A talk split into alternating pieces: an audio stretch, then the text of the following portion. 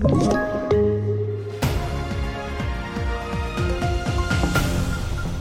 TV4-nyheterna börjar med att polisen utreder ett misstänkt mordförsök och grovt vapenbrott efter en skottlossning i Farsta i södra Stockholm nu tidigt på morgonen. Polisen säger till Expressen att någon troligen stått på marken och sen skjutit in i en lägenhet.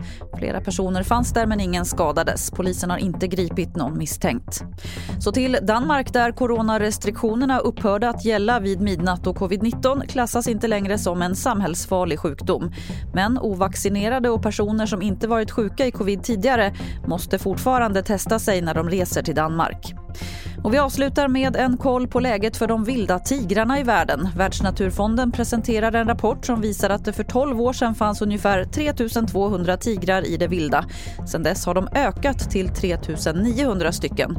Aktiv naturvård i bland annat Indien, Nepal och Ryssland har gett resultat. Louise Karlsson är biolog på Världsnaturfonden.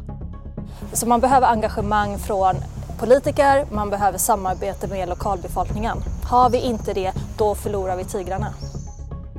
Och fler nyheter det finns på tv4.se. Jag heter Lotta Wall.